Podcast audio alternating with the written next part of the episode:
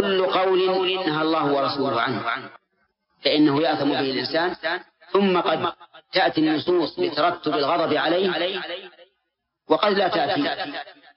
وقد حذر النبي صلى الله عليه وعلى آله وسلم من زلات اللسان تحذيرا بالغا. فقال لمعاذ وهو يعلم قال له ألا أخبرك بملاك ذلك كله؟ قال بلى يا رسول الله.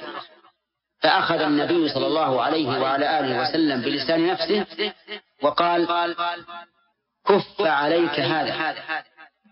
يعني احبس لا تخرج كفه عليك.